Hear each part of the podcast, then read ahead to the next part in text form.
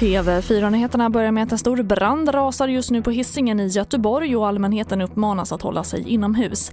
I lagerlokalen som fattat eld finns bland annat stora mängder brandfarlig vätska och rökutvecklingen är kraftig. Branden startade vid halv tre-tiden i natt och 30-tal brandmän bekämpar just nu branden som ännu inte är under kontroll.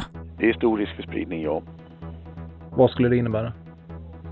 Ja, det är ju flera eh, både industribyggnader och lagerlokaler i närheten som ligger ganska nära. Hur farligt är det för allmänheten? Ja, man ska ju undvika röken. Vi har gått ut med ett eh, informationsmeddelande till allmänheten. Och det sa Joakim Hallin på räddningstjänsten Stor Göteborg.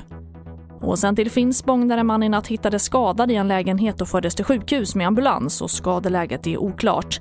En man i 30-årsåldern kunde senare gripas i Finspång under natten och är misstänkt för mordförsök. Och I Egypten fortsätter arbetet med att försöka få loss det grundstötta containerfartyget. Fartyget gick på grund i tisdags i den södra delen av Suezkanalen något som lett till att hundratals fartyg hindras från att passera mellan Medelhavet och Röda havet. 12% av världens handel beräknas gå via Suezkanalen. TV4-nyheterna, jag heter Charlotte Hemgren.